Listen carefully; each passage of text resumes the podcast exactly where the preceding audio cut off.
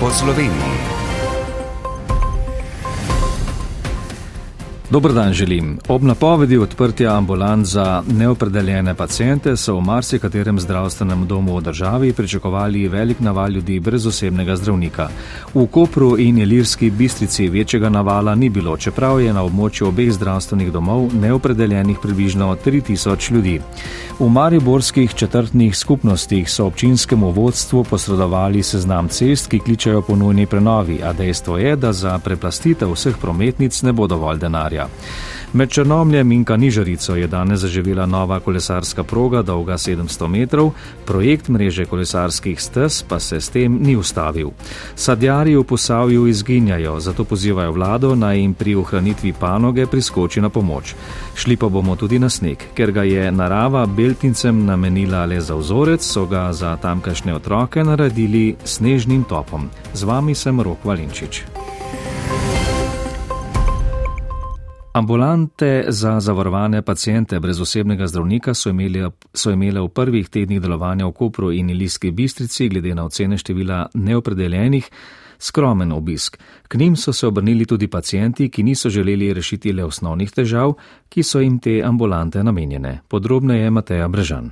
Ambulanta zdravstvenega doma Koper za zavarovance brez osebnega zdravnika je odprta tri dni v tednu po dve uri. Kot pojasnjuje Ljubica Kolander Bizjak, vršilka v dožnosti strokovnega vodje, se je do zdaj opredelilo 14 pacijentov. Poprečno pride na dan, ko delamo 4-5 pacijentov. Najpogosteje nas obiščajo zaradi akutno nastalih težav, ker so tudi povedali, da do zdaj so med dobili recepte, bili na kontrola tudi pri drugih zdravnikih, pri katerih niso bili opredeljeni zaposleni. Trenutne potrebe ne kažejo, da bi bilo treba v kratkem širiti dejavnost, na kar so sicer pripravljeni. Se držijo ljudje tega, da dokler nimajo težav, se ne hodijo opredeljevati, da ne bi nastale kakšne vrste. V prvih treh tednih delovanja je v ambulanto prišlo tudi precej ljudi z drugačnimi vprašanji. Dosti ljudi je mislilo, da bojo na tak način si lahko tudi menjali svojega zdravnika iz kjerega koli razloga. Zato, ker se mi nekaj mudil, ker ni bilo osebnega zdravnika, ampak smo jih mogli nažalost odsloviti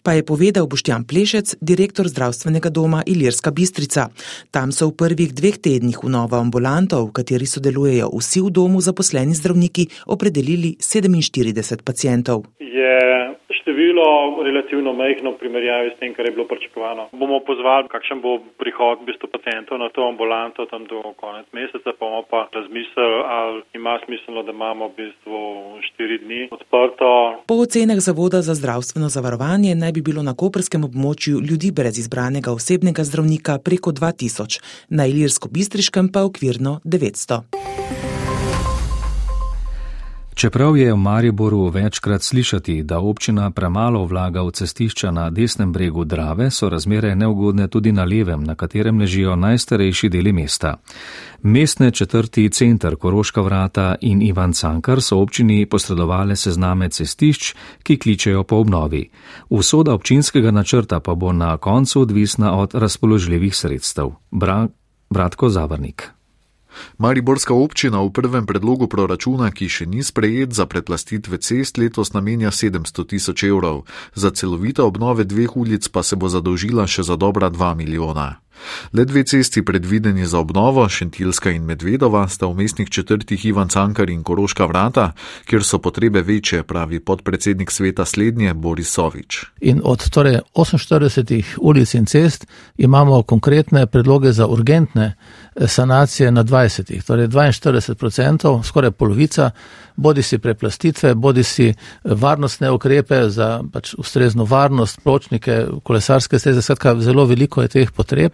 Tudi v mestni četrti Ivan Cankar imajo nujnih obnov več, tako v gostenjšem urbanem delu pod piramido, kot v Melskem dolu in Košakih, pravi predsednik sveta Jure Legvard. Imamo veliko poti, cestišč, pločnikov, ki jih ni, tudi eh, razsvetljav, ki bi jih bilo treba porihtati.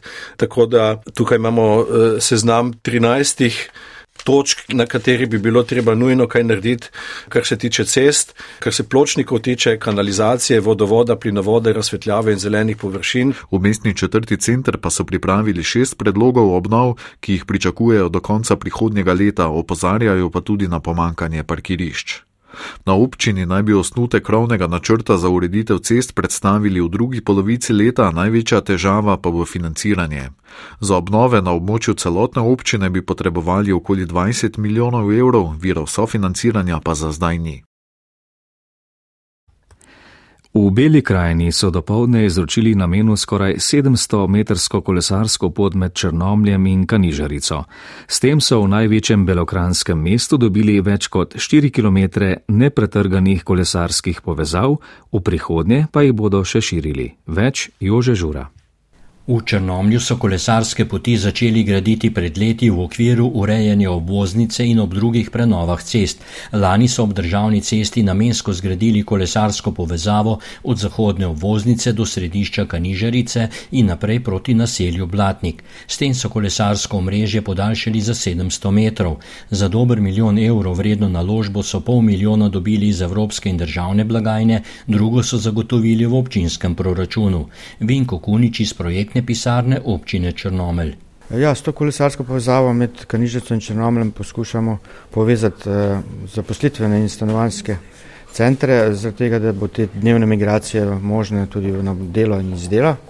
Seveda bo pa služilo tudi za rekreacijske namene.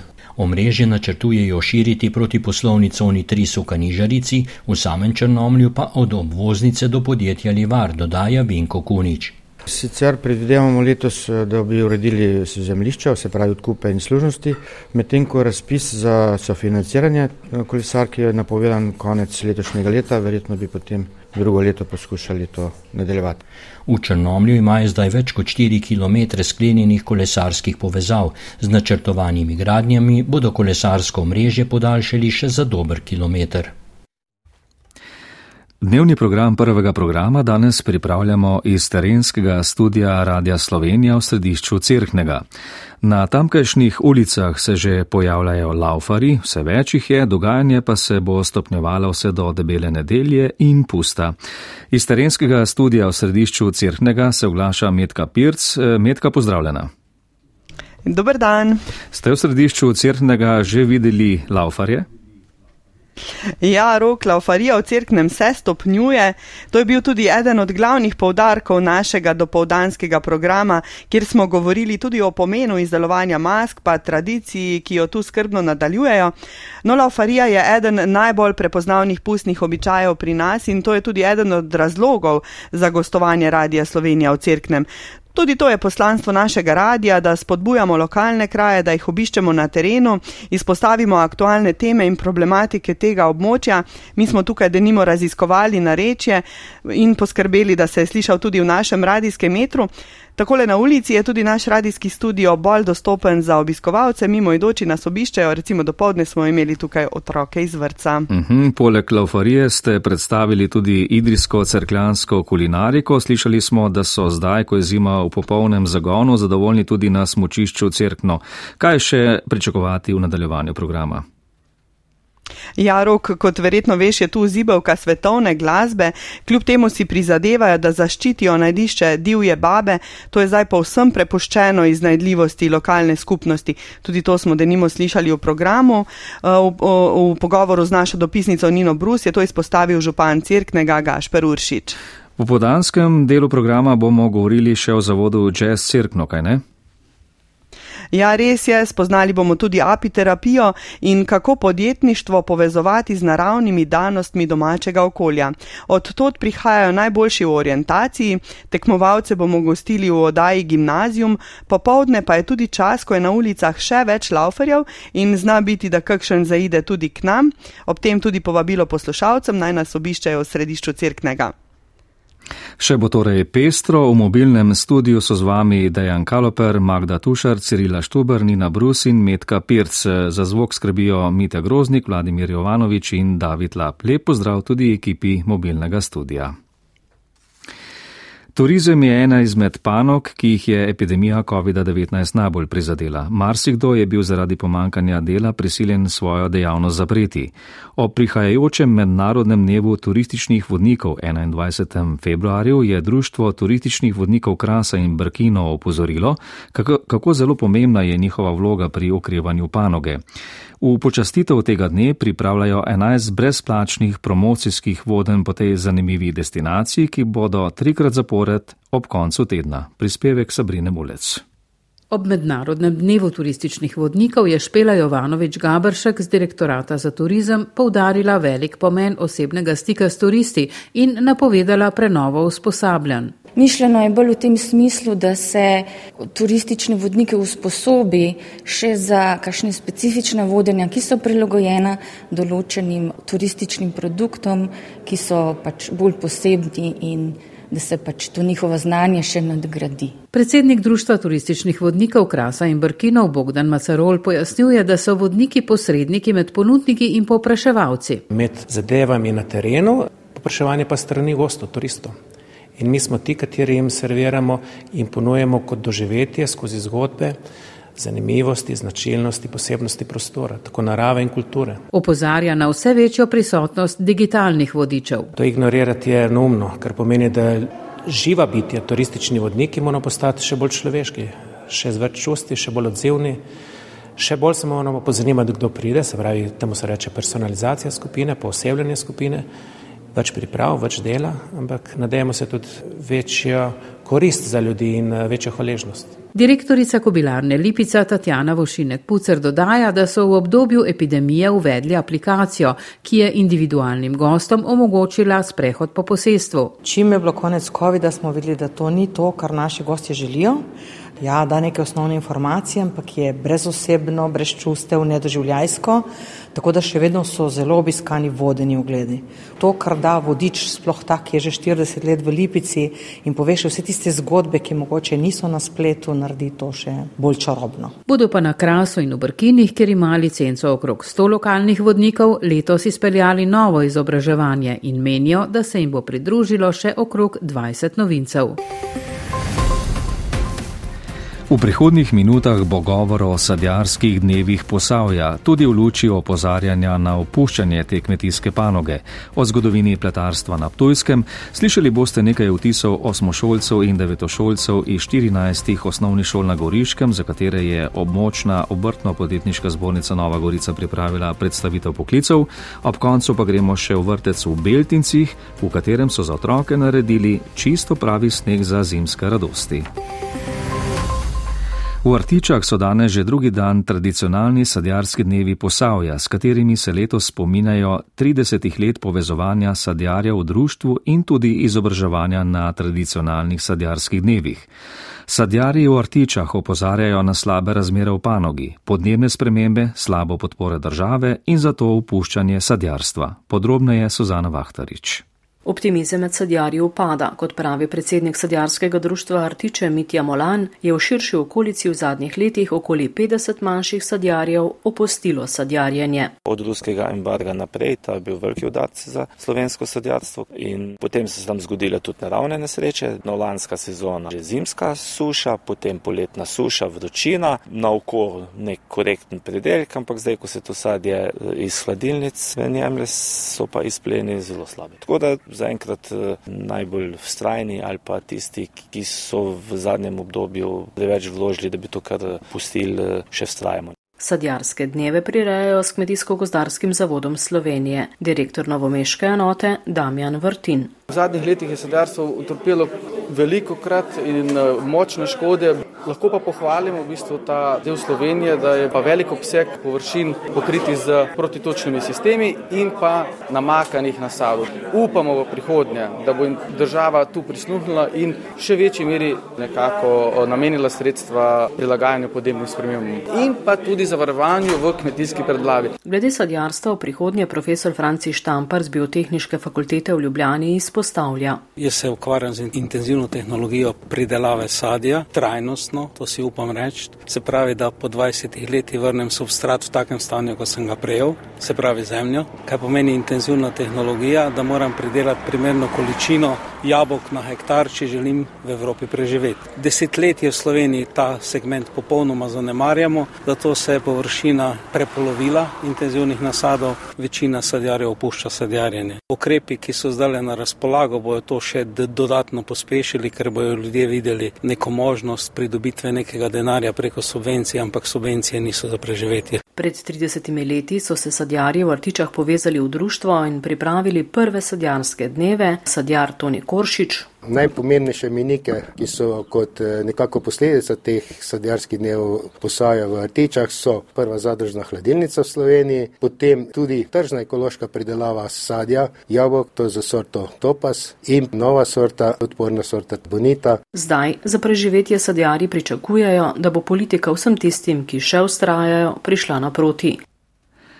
Na Ptujskem gradu so predstavili zbornik o pletarstvu. Ne samo v 19. stoletju, ampak tudi po drugi svetovni vojni in v 50. letih 20. stoletja je ta gospodarska dejavnost na Ptujskem prinašala enega najboljših zaslužkov. Izdelke iz Ptujske pletarne so izvažali celo v Združene države Amerike in Veliko Britanijo. Ko so prišli drugi materijali, zlasti plastika, pa je pletarstvo kot gospodarska dejavnost popolnoma izumrlo. Na srečo ga še ohranjajo sicer redki pletari in prav tako redki ljubitelji. Sptuja Gabriela Milošič. V času Avstro-Ogrske so spodbujali pletarstvo, saj je številnim omogočilo preživetje. V cirkulanah sredi Halo so pletarje že leta 1906 izučili v tako imenovani enoletni potovalni šoli, je ob pregledu zgodovine pletarstva ugotovil etnolog Kustos Andrej Brencej iz pokrajinskega muzeja Ptuj Ormož. Tu so se učenci, fante in pa dekleta učili poklica in tudi e, delali. Torej, to ni bila samo šola, ampak so je tudi proizvajalo kvalitetne izdelke, ki so jih prodajali. Poleg tega so tudi imeli e, svoj lasten nasad e, vrb. Ne, ker za pletarstvo niso zadovoljive vse vrbe, ne moreš se jih uporabljati. Ne. Sploh je bil pa trend, da se pletarstvo in pa vrgoreja začne uveljavljati v teh siromašnih krajih. In s tem se je želelo, da bi se izučili teh veščin, pol s tem tudi nekaj za zaslužili in ne bi zapuščali eh, svojih domov in šli nekam drugam.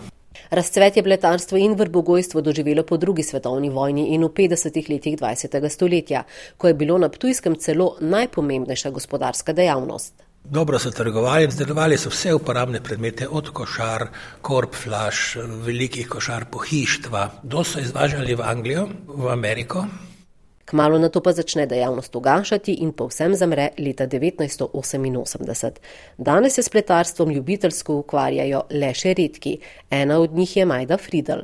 Mene zanima ta a, tradicija, dediščina in pa uporaba naravnih materijalov. Ne? Pletarska delavnica se bo začela konec februarja. Pletarstvo bo poučeval eden redkih še živečih mojstrov Anton Žumer iz Hajdoš.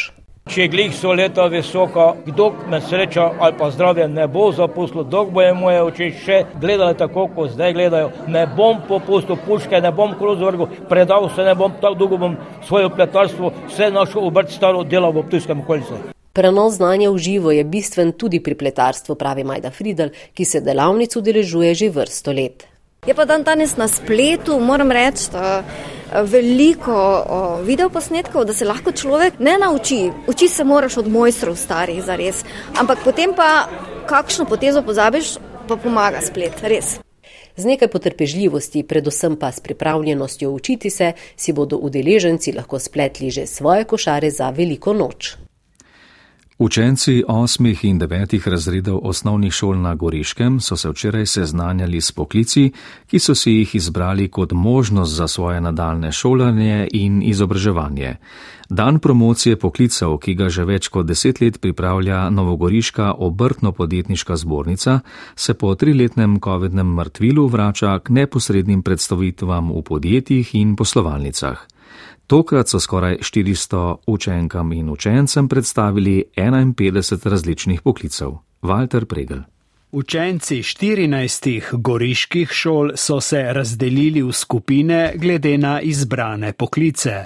Devetošolca Domen in Teja iz Šempeterske in Savkanske šole. Mene tudi zanima elektrotehnika, ja. ta promocija poklicov. Ti malo pokažejo, eh, kakšen je poklic, kaj delaš v poklicu in vse. Za kozmetično šolo sem prišla, da pa če malo spoznam, na kaj bom šla naprej v srednjo. Zanimanje je veliko in tudi kadra je v tej dejavnosti za zdaj še dovolj, dodaja Irena Silič, torkar iz sekcije kozmetikov. Ampak tudi pri nas se počasi zmanjšujejo upisi na srednje in na poklicne in tudi na visoke šole za kozmetično uh, stroko. Delodajalci zelo veliko povprašujejo po informatikih in računalniških programerjih ugotavlja Tomaš Juk iz podjetja Editor. Mislim, da to je ena karjerna pot, ki ima prihodnost in me veseli, da tudi učenci vidijo, da je to lahko eno tako zanimivo področje za naprej. Letošnja promocija poklicev ima dva dela, poudarja predsednik obrtno-podjetniške zbornice Nova Gorica Primoš Černic. Tako da smo dali še večji podarek na te problematiko zaposlovanja ter usmerjanja otrok v prave poklice našega območja. Podoben dogodek bo tudi novembra. V maju pa festival goriške obrti in podjetništva dodajajo še v novogoriški zbornici. Po V Pomorju tudi letos snega skoraj niti videli niso, a se tedni sredi Beltinskega parka najmlajši pa tudi nekoliko starejši veselo sankajo. Zima je v zadnjih dneh vendarle nekoliko zamahnila z repom in nizke temperature so omogočile pripravo umetnega snega, na katerem je v Beltincih že od prejšnjega tedna zelo živahno. Otrokom iz tamkajšnjega vrca se je na beli strmini pridružila tudi Lidija Kosi.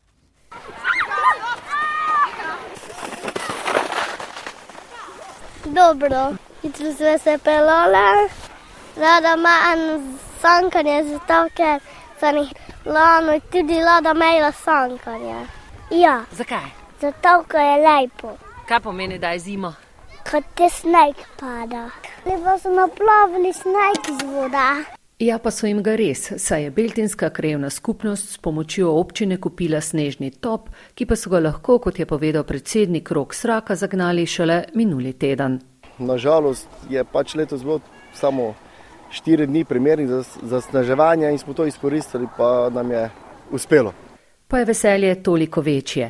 Vzgojiteljica Suzana Kuzma pravi, da se otroci marsikje po Sloveniji lahko tudi v tej zimi igrajo v snegu. Mi te priložnosti nismo imeli, omogočeno pa nam je užiti vsaj delček zimskih radosti na hribu, zasneženem z uh, umetnim snegom, česar smo uh, mali in veliki iz vrca zelo veseli.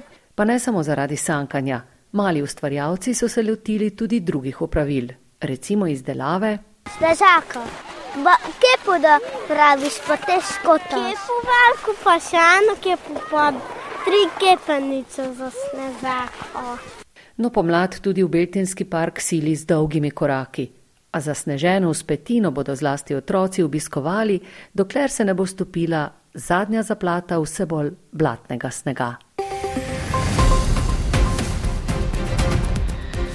Visoke dnevne temperature pobirajo sneg tudi tam, kjer ga še imajo. S tem prispevkom pa se je stopila tudi današnja oddaja. Nova bo nastala že jutri, do takrat pa lep pozdrav in srečno.